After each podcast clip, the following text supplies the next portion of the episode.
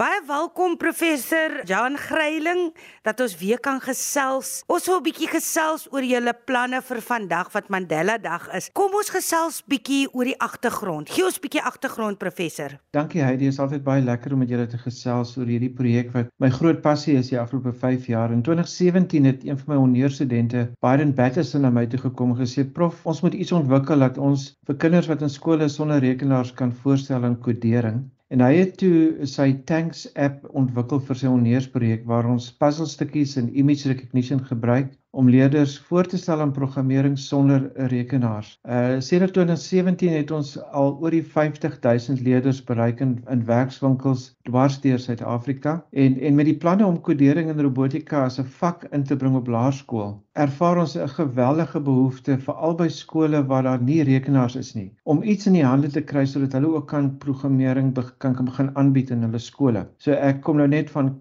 Kwakwa af gister en eh, dit is vir my wonderlik om te sien hoe entoesiasties die onderwysers is om kodering in hulle skole te begin voorstel.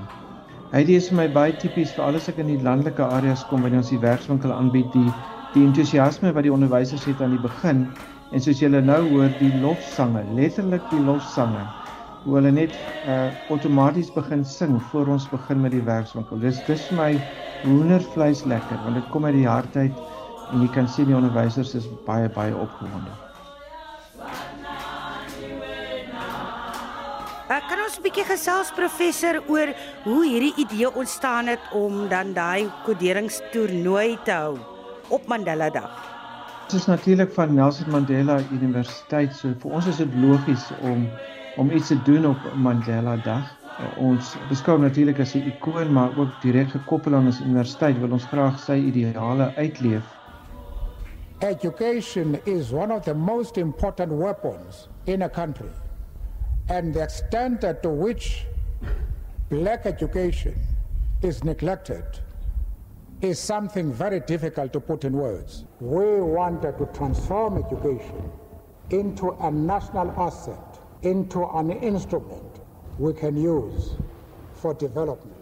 So in 2019 het ons ons eerste uh, plaaslike toernooi hier in Kobega gehou. Daar was omtrent 250 leerders bymekaar en hulle het ons Bouts app gespeel die dag. 2020 toe toe COVID uitbreek, is al ons fisiese planne daarmee heen, maar ons het toe die Bouts app aangepas om virtuele toernooie aan te bied. En dit het gebeur in 2020 en in 2021 en die twee Mandela daar bymekaar gesit, het ons seker omtrent 1000 leerders gehad wat deelgeneem het van oor die hele land. En, en in Maart vanjaar was ons hele nasionale span hier in Kobega by 'n toernooi wat ons aangebied het vir plaaslike leerders. Daar was so 300 en tydens die toernooi het dit half op die ingewing van die oomblik gebeur dat die klomp vir mekaar sê luister, ons moet iets groot doen vir Mandela Dag. Hulle sê vir my, kom ons hou 'n toernooi dwars deur die land op verskillende plekke.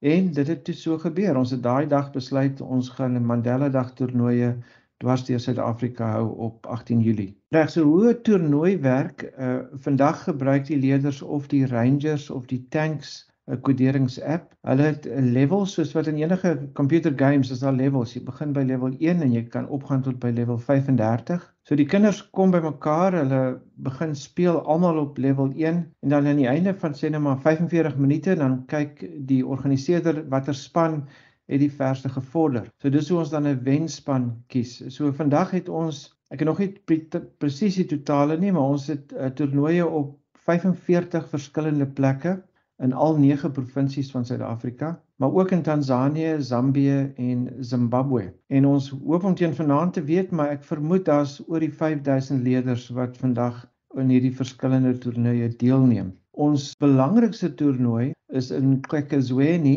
Nou vir die mense wat nie weet wat dit is nie, dis naby Kunu. Almal weet van Kunu waar Mandela se huis was. Maar hy het in Kwekezweni groot geword van 8 jaar af. En die die prins van daardie area het ons genooi om 'n toernooi in sy great place te kom aanbied.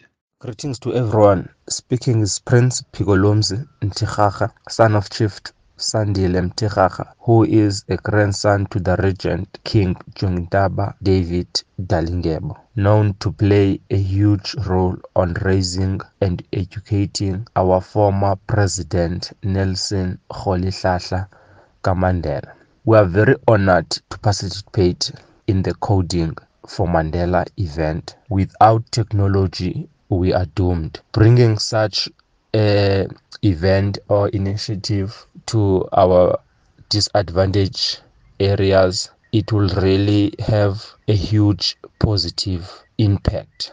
So dis ons hooftoernooi, belangrikste toernooi vir die dag. Maar ons grootste uh toernooie vind plaas in Durban. Uh 'n skole van Chatsworth Krish Governor het besluit om groot te gaan en ek dink hy het 17 verskillende toernooie gereël in Durban vir vandag. En dan het ons toernooie dwars deur Suid-Afrika in Venda, naby Sodwana, Tsomo in die Oos-Kaap, Humansdorp, Mitchells Plain, Kroonstad, Witbank en dan ook naby die Serengeti in Tansanië. Ek gaan nou nie al 45 plekke opnoem nie. Soos ek sê ek het nou net gekom van Kwakwa af en daar hou hulle wat ons noem mini tournaments. Hulle het baie min tyd gehad om dit te reël, so dwars deur Kwakwa vandag is daar klein groepies van 20 leerders wat deelneem aan die Mandela Dag toernooi. Wat sou professor sê sou die impak wees van iets wat nou soos vandag gebeur. Uh, ek sou nooit gedink het dat kodering 'n toeskouersport kan word nie. So wanneer hierdie kinders so bymekaar kom in die spanne van 20 kinders tot 400 kinders in een lokaal, is daar altyd ouers en onderwysers wat kyk en is regtig groot opwinding. Saam met hierdie opwinding kom die feit dat dat kodering nou half iets lekkers raak vir kinders. Hulle praat daaroor want die die die vaardigheid van kodering of sagteware ontwikkeling is een van die skaarsste vaardighede in Suid-Afrika en ons het dringend nodig dat ons leerders hierdie beroepe begin oorweeg. Wat ons ook sien gebeur is dat skole mekaar begin uitdaag as 'n half 'n naderdraai van hierdie toernooie dat skole te mekaar begin speel met ons koderings uh, toepassings En ons ons begin nou droom oor koderingsligas wat begin in dorpe en stede waar skole halfweekliks te mekaar speel. En wanneer hulle hierdie hierdie toepassing speel, is dit nie net oor kodering en hulle leer om probleme op te los. Hulle leer hoe om strategies te dink. En dis al die vaardighede van die 21ste uh, eeu. Wat van toekomsplanne?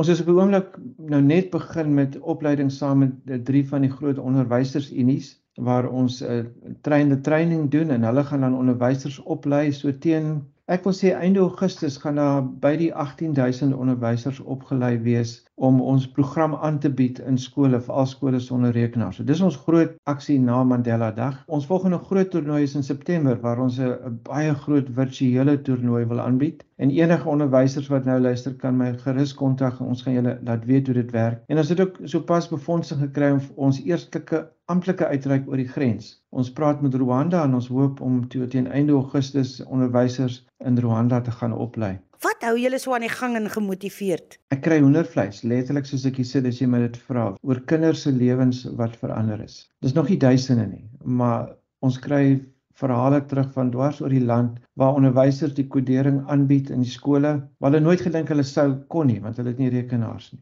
En dan hoe partykeer hulle ons laat weet dis 'n kind wat hulle nooit in die klas raak gesien het wat skielik nou maar hierdie ding snap en skielik 'n ster word. Ons groot hoendervleis oomblik hierdie jaar was drie laerskoolkinders wat die span hier ontdek het uh, in drie skole hier in in Kaberga en vir my kom sê dit maar maar prof hier hierdie kinders moet in goeie skole kom volgende jaar. En toe die vise-president van AWS Amazon Web Services in Seattle vir elkeen van hierdie drie kinders volle beurse gegee om van graad Agga volgende jaar by 'n goeie IT skool Alexander Rou te gaan studeer. Ons sê altyd hierdie is 'n kom ons huil 'n bietjie oomblik. Ons raak baie keer emosioneel wanneer ons hierdie stories hoor. Ek wens julle kon by die aand wees toe David Brown van Seattle oor Zoom vir die kinders en vir hulle ouers gesê het hulle kry die beurs. En dan wat vir my ook aan die gang hou, soos ek sê, ek kom nou net van Kwakwa af. Ek was oor die hele land. Is hoe ek sien hoe onderwysers wat half ek noem dit fear of missing out. Hulle is in skole waar daar nie rekenaars is en hulle is bang hulle mis uit.